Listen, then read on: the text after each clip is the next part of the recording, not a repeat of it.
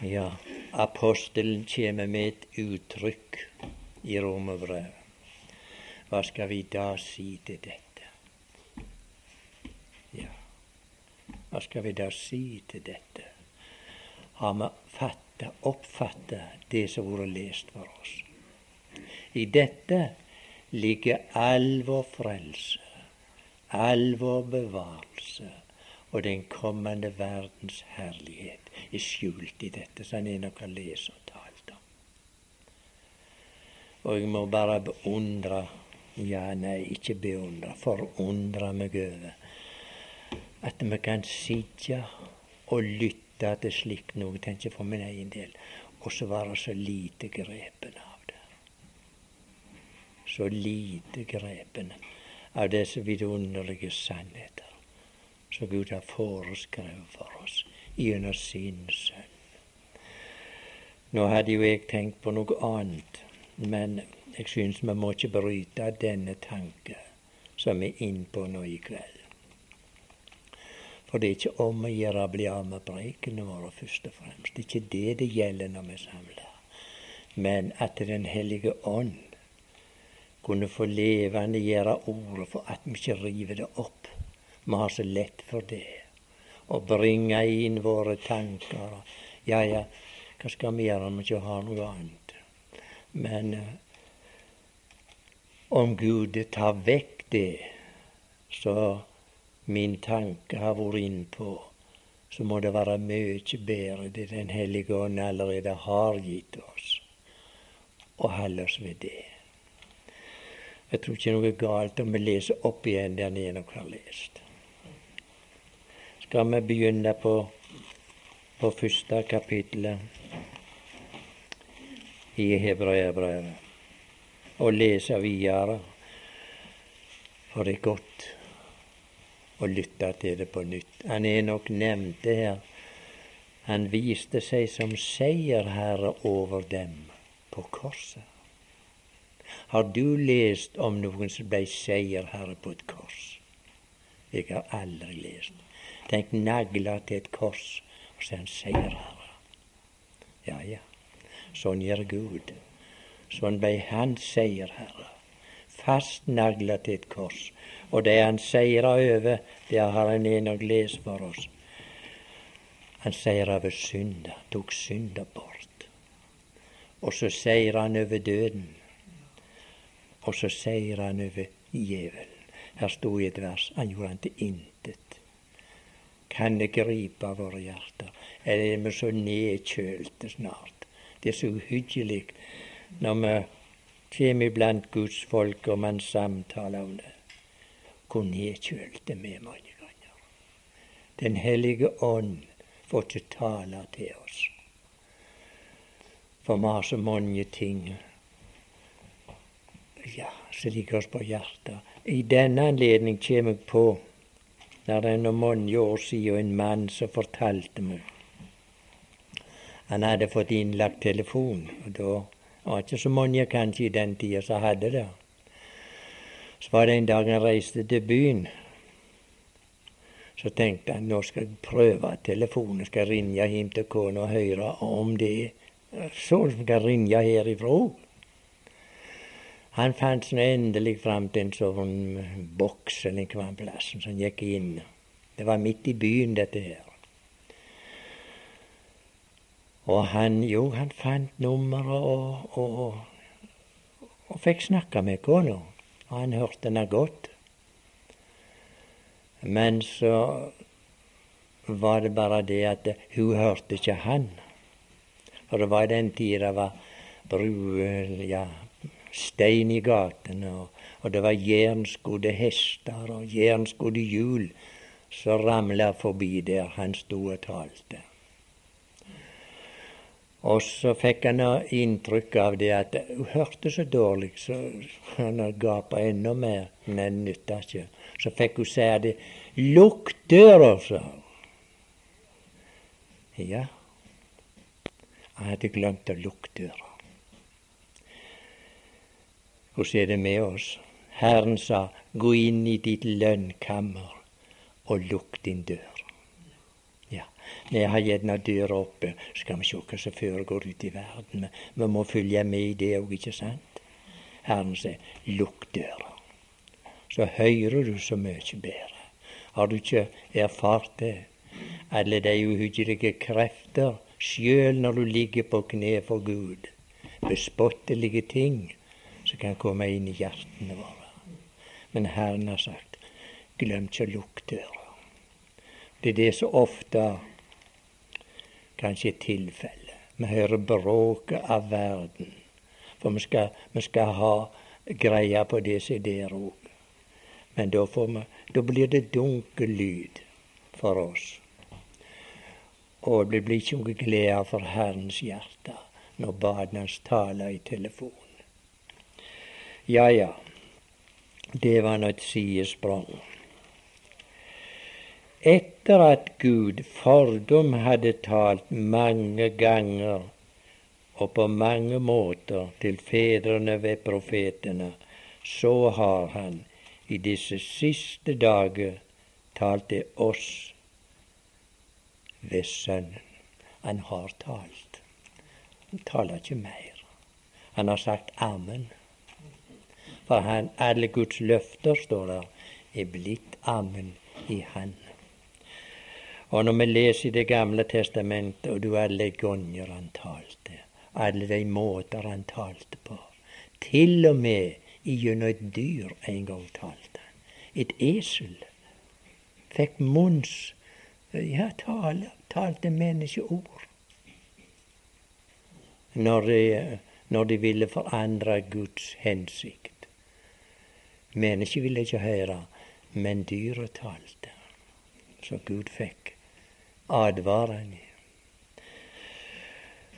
Ja, vi leser videre. Han som, som han er altså ved Sønnen, som han har satt til arving over alle ting, ved hvem han òg har gjort verden. Han som er avglansen av Hans herlighet og avbilde av Hans vesen, og bærer alle ting ved sin krafts ord, og som derfor, da han hadde gjort renselse for våre synder, satte seg ved Majestetens høyre hånd i det høye. Her ser vi han er avglansen og han er avbildet. Han er av glansen av Guds herlighet, og han er avbildet av Hans vesen. Gud sender sitt bilde. Han kunne ikke sende originalen. For hvis originalen hadde kommet, hadde vært død. Uh, man kan ikke se Gud og leve, men så sender han et bilde av seg. Og Der står det han kom i syndig kjøds lignelse og for syndens skyld. Så sender Gud et bilde, et avbilde av seg, åpenbart i kjøtt. Og så, uh, også avglansen av Hans herlighet. Han sa han kom full av nåde og sannhet. En herlighet, står der, som den en enbåren sønn har fra sin far full, full av nåde og sannhet. Og så har Gud gitt oss dette avbildet, og så har Han jo gitt oss denne avglansen. Jeg har nå visst fortalt det før, men Adam var inne på denne tanken en gang når han talte. Det er vel de fleste, ja ja. Mange ja, dere kjenner Adam. Han, det på, han forklarte det på den måten. Hvis Gud skulle komme, sa han, så var det uro. Og mens han vi har tilfelle ute i fugleverden Hvis det kommer i ørn og setter seg i en spurveflokk, så fer de med en gang, for de er redde. De får ikke kontakt med ørnene. De, de er redde for livet sitt. Og så for de alle. Bare skremte de av alle sammen. Men sånn, kommer det en sporv, så liker alle andre, og så setter han seg i flokken. Så godtar de han. Det var det Gud gjorde. Han sendte en som var like. En som var like de han kom for. Nå ble ikke han imot det vet vi, men han var akkurat like de. Der står det han Ja, så står det i Filippenserbrevet, da. Kanskje det er best å finne det. Han er nok vanligvis inne i det kapitlet lite grann.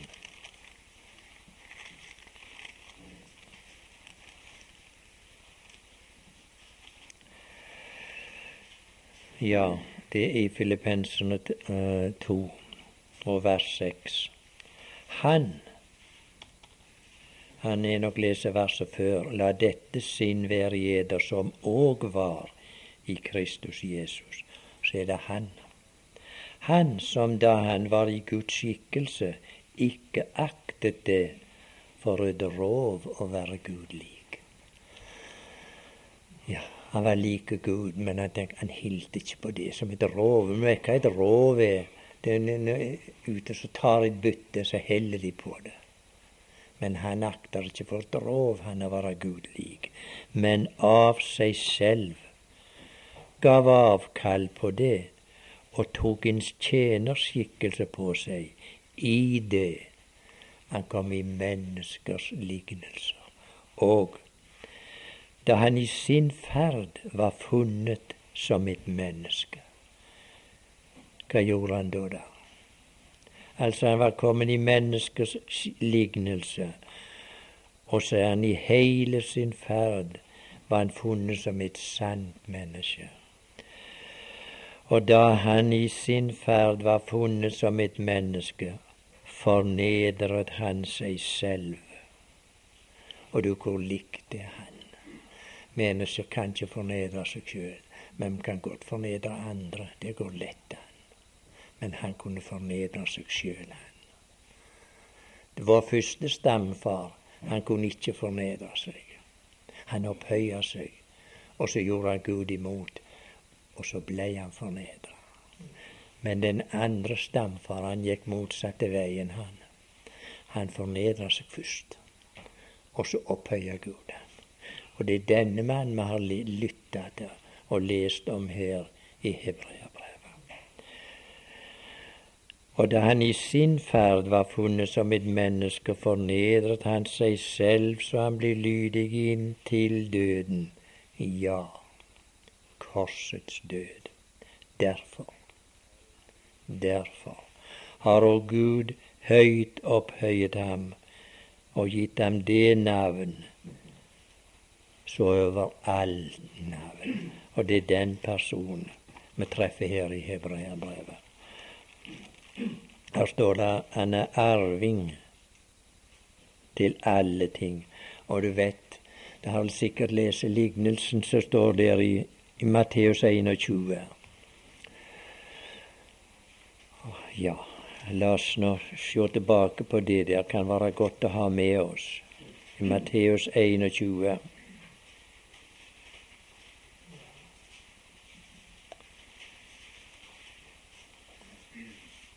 Det er alltid tryggest at vi leser mest mulig av Guds ord.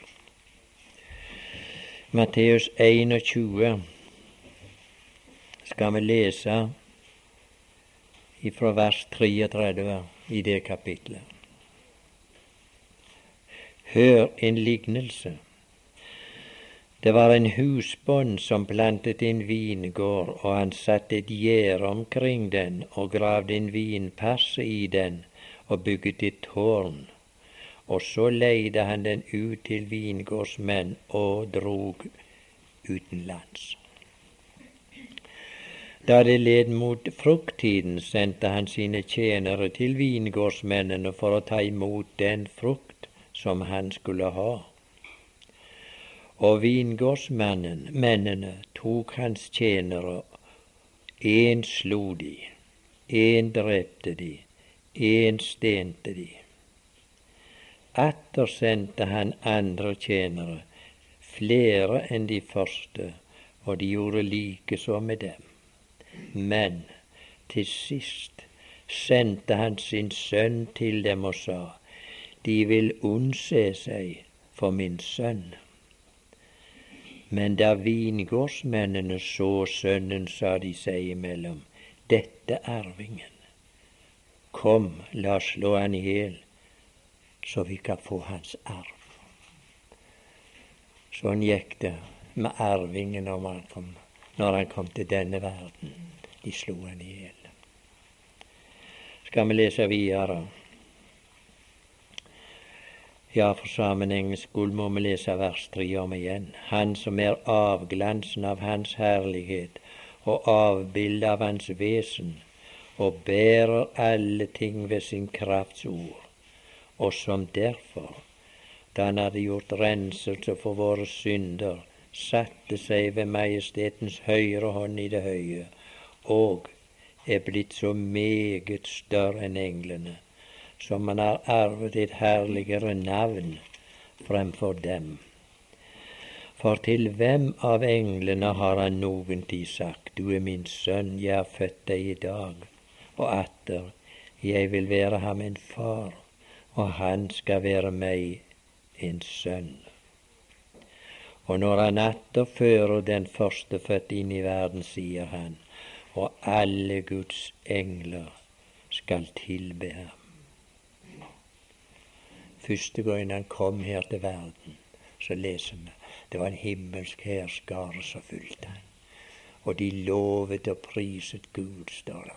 Og så sa de eder er i dag en frelser født. De fylte han på fot. Og jeg har visst både sagt og tenkt det mange ganger. Det måtte vært et forunderlig øyeblikk i den himmelske historien når de så tronarvingen reiste seg. Og så forlot han guddomstronen. Så forlot han himmelen. Og så for han ned og ned og ned. Ingen av de vesener kjente hans hensikt, men Faderen visste det. Og så for han ned og ned, og så landa han i denne mørke verden. Og så står det ikke rom for ham i herberget. Og det blei alle rom for han så lenge han var her. De sa bort med Dette er arvingen. Kom, la oss slå han i hjel, for vi kan få arven hans. Ja, jeg vet ikke om vi skal lese mer der. Men skal vi da gå over til det andre kapitlet og lese noen vers på nytt der? Når det gjaldt engler, så står det i vers fem for det var ikke under engler han la den kommende verden som vi taler om. Det var ikke under engler han la den verden. Men en har på et sted vitnet så. Hva er et menneske at du kommer ham i hu, eller et menneskes sønn at du akter på ham?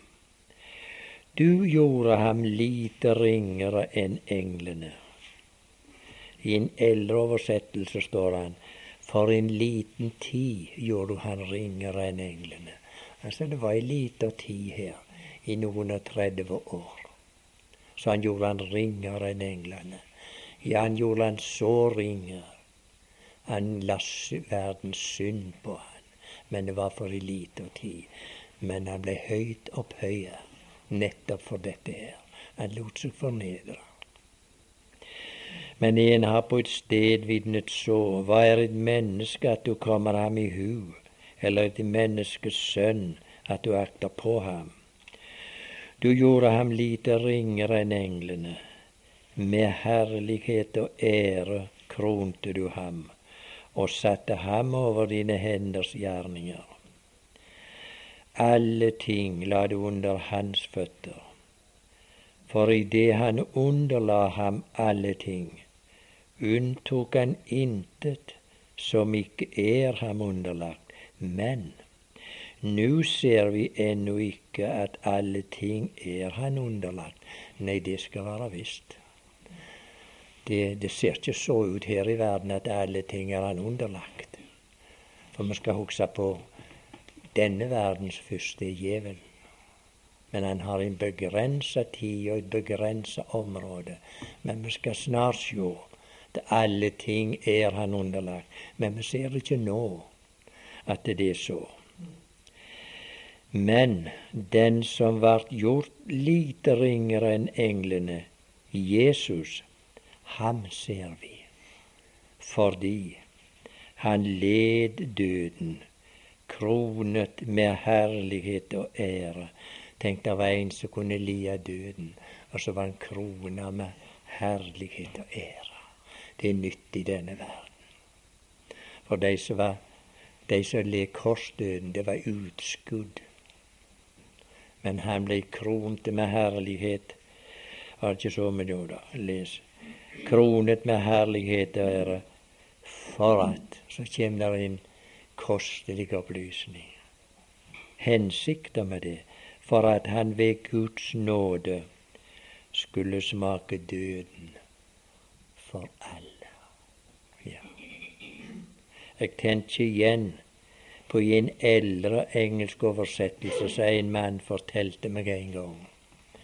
Ja, ja, sa han, der står litt annerledes. Og når vi tenker på det, så er det en verden av forskjell. For der står slik, sa han, for at han ved Guds nåde skulle smake døden for alt. For alt. Det var ikke bare for oss. Det var ikke bare Guds hensikt å frelse deg og meg. Men han skulle smake døden for alt. Gud skulle ha en fullstendig gjenopprettelse for ødeleggelsen som Satan og synder hadde gjort her i verden. Så skulle han smake døden for alt. Og det står vet i romerbrevet skapningen sukka, sukka og de venta på Guds barns forløsning. For han, Gud har hatt hele universet i tanken den gangen, for det skulle opprettes alt. For vi vet der ute i universet så Satan heller til. Det ble jo gudskitna. Og hele Guds skaperverk skulle han smake døden for alltid sammen. Og derfor sa han nå er det fullbrakt. Nå er det fullbrakt. Men uh, han har bruksretten, men han har ikke tatt den ennå. Det kommer en dag. Han har eiendomsretten. Nå kommer det ennå en beretning, for det var Bjerkreim som fortalte er det mange år siden. Det var en mann på Sørlandet, sa han. Ja, han sa hvor han bodde. Det var iallfall uh, en plass som var mye skog. Et skogbygg der han bodde. Så var det en så sa han det var en lukkelig troende. Så satt han på toget en dag, denne mannen. Og der satt der to handelsreisende òg i samme kupeen. Og denne her bonden der oppe han, der, han satt og så forundra seg over landskapet. Og nei, du, sa han, alt det han far eier. Alt. Og han hadde ikke sittet så lenge, for så, så brøt han ut igjen. Og du får en rike far, sa. Han far eier alt dette her. Så begynte de to karene å lure på om han var ganske klar, denne karen. Så ble det til de han sa det flere ganger, du verden hvor rik han far er. Du, hva heter far din, sa de med. Ja, så sa de, sa han det. Men eh, jeg har en far, sa han, som er større enn han. En himmelske far. Så tenkte jeg det var noe merkverdig at de skulle få han til å forstå dette her, at det ikke var Gud som åtte det. Så sa den ene til han, nå kan du ta deg i øksa, så kan du gå bort i skogen her, og så kan du begynne å hogge. Skal se hvordan det går. Skal se hvem som eier det. Nei, men sa han, det er en annen ting du ikke forstår. Han har eiendomsretten, men han har ikke bruksretten ennå, han sa. Min himmelske Far, sa han. Og det passer etter Guds ord. Han eier alt, for det står alt var skapt til og ved han. Men det er en fiende som rår grunn ennå en liten stund. Om de forsto det, det vet ikke jeg. Det får nå være så det kan være. Men han var klar i sin viten hvem som åtte eiendommer, hvem som åtte verden, og hvem som hadde gjort verden. Her har vi lest om han som alt var gjort ved. Vi leser videre. Vi hadde vel lest vers 9 her. For det sømmet seg for ham hvis skyld alle ting er til, og ved hvem alle ting er til, da han førte mange barn til herlighet gjennom lidelser og fullende deres frelses høvding gjennom lidelser. Skulle han fullende vår frelses høvding. Og du har sikkert lest det, hva følgen blei når han blei fullendt. Der kan vi lese i vers, nei, kapittel 5 og vers 9. Og der står noe om fullendelsen. Og da han var fullendt, hva så, kan vi spørre der. Og da han var fullendt, ble han opphav til evig frelse for alle dem som lyder ham. Og da han var fullendt, så ble han opphavsmann til evig frelse for alle dem som tror på ham, står der en annen plass. For han blir ikke, han blir ikke han er ikke opphavsmann til evige frelse annet for de som har tatt imot ham. Han er ikke opphavsmann til frelse for verden i den forstand, skjønt de forakter denne frelsen. Men det er bare for de. For de andre får ikke nyte en, en fullendte frelse. De må ta imot en evig fortapelse, nettopp fordi de ikke tok imot ham. Jeg tror ikke jeg sier noe galt om jeg sier det. For det, vi kan gå tilbake til Guds ord med det. Ja. Guds siste ord om et menneske uten samfunn med Gud, det er ett eneste ord. Det er ildsjøen. Jeg får ikke til noe annet. Bare ett ord som dekker dette. Ildsjøen. Hvorfor? Fordi det ringeakta paktens blod. Han som gjennom lidelser fullendte deres frelseshøvding. For både den som helliggjør, og de som helliggjøres, er alle Der står de ikke alle av en, men alle av én. Apostrofen står der. Det betyr noe. Av én. De er alle én og den samme. Derfor skammer han seg ikke ved å kalle dem brødre. Når han sier 'Jeg vil kunngjøre ditt navn for mine brødre', midt i menigheten vil jeg lovsynge deg. Og atter jeg vil sette min lit til ham, og atter, se, her er jeg og de barn som Gud har gitt meg. Han er nok referert fra Kristian Tvedt.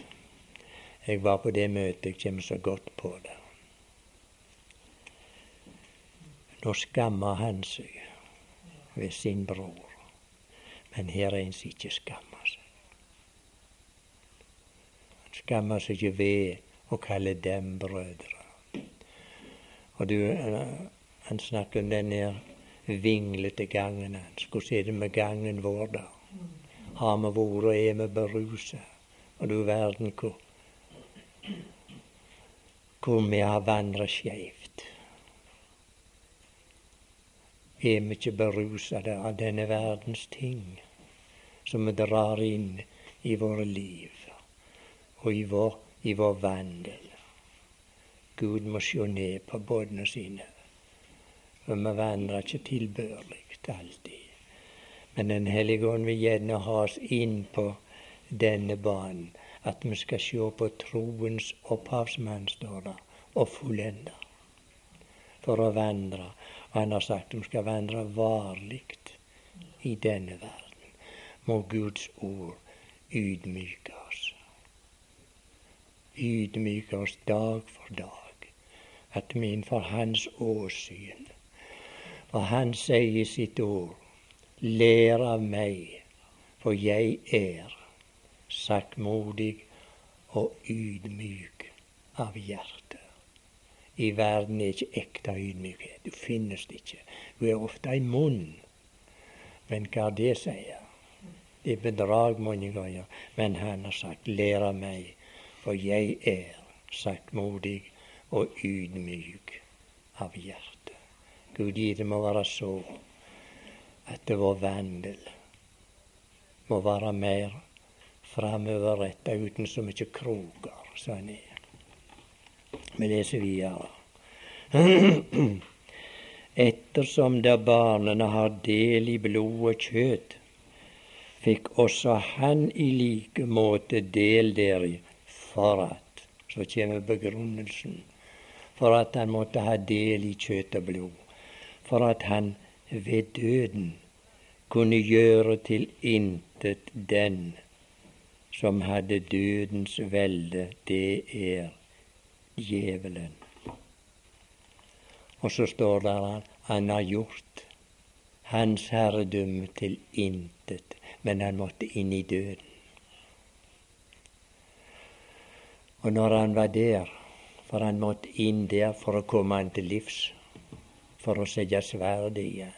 Så måtte han inn i døden. Og når han kom der inn, så var det en masse med fanger som satt der. Og når han hadde avliva døden, så førte han fangene ut. Og så sa han, vet du, i åpenbaringen, jeg har nøklene. De henger i hans belte, de nå. Djevelen måtte levere de ut. Han sa det dødens velde. Nå er det vår Herre som har det. Skulle det ikke være maktpåliggende for oss å leve for Han, å elske Han og tilbe Han, for nå skal vi snart møte Han. Denne vår Herre, han har tatt bort synder. Og så har han tilintetgjort døden og tilintetgjort djevelen. Skulle det da være så om å gjøre for oss å leve for oss sjøl og for verden den lille stunden vi har igjen? Må Gud vekke oss. Men så hører Han til. For det er det verden trenger. De må omgås. Det at vi har varme hjerter. For det var det Herren sikta til, du, med Emmausvandrerne. Og det var det som ble resultatet. De gikk der med gravens tanker. Han var i grava, han var død. Det var ikke noe håp. De kom til grava og skulle uh, ja, salve han. Alle hadde en død frelser. Men han oppsøkte de. Det hjertet som brann for de, mens han var i lag med de, det brann òg etter døden. Og sånn er det fremdeles. Hans hjertelag er uforandra for oss gjennom alle tider. Han sa dette med sine, vel i Johannes 13, som han elsket sine egne som var i verden, så elsket han dem inntil enden. Det er Guds kjærlighet og Guds uforanderlige kjærlighet. Den som har lagt for dagen. Må det være om å gjøre for oss å kjenne denne kjærlighet mer. For vi leser her i Bibelen, vet du, vi leser om Guds kjærlighet. Og vi leser om Jesu Kristi kjærlighet. Og vi leser om Faderens kjærlighet. Kjenner vi de? Den samme kjærlighet stråler ut ifra de alle. Nå kommer jeg på et vers i Ja, det er vel i Efeserbrevet. Jeg tror vi skal minne han om det før jeg glemmer det.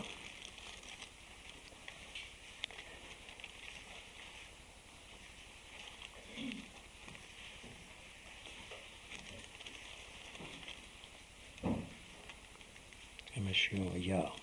Det er i Efeserne 3. Et enkelt vers der som sier så Hva skal vi si så ufattelig mye.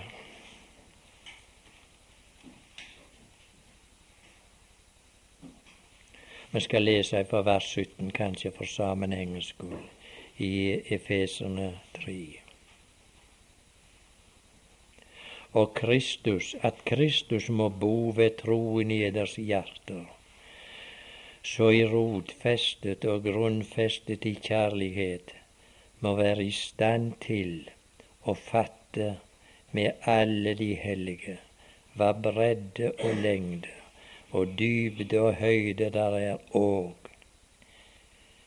Kjenne Kristi kjærlighet, som overgår all kunnskap, for at de kan fylles til all Guds fylde.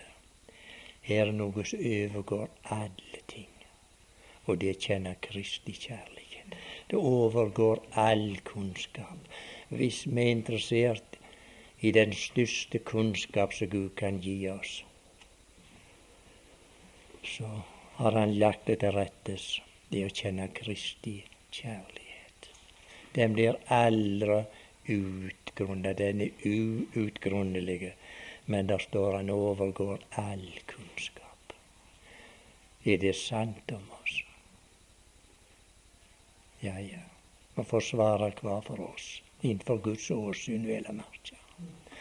Det er denne bok, og jeg har så lyst til å si til dere unge så tilsynelatende har livet for dere, ler Gud å kjenne. Så vil det ikke fare vilt. I, det, I denne ørkenvandring som går, alle disse røstene, Lær Gud å kjenne gjennom Hans ord. Lær Kristi kjærlighet å kjenne. Lær hyrden å kjenne. Hør på hyrdens røst og be Gud lukke ørene dine for alle falske hyrdene. Det er så mye sårt i våre dager. Nå tenker jeg på Det var sagt noe i høysangen.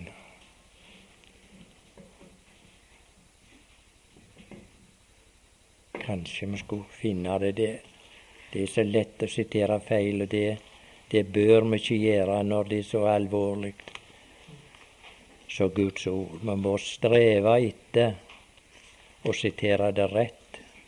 Vi får heller ta den nødvendige tid. Når vi tenker på, på bruden og brudgommen der i høysangen.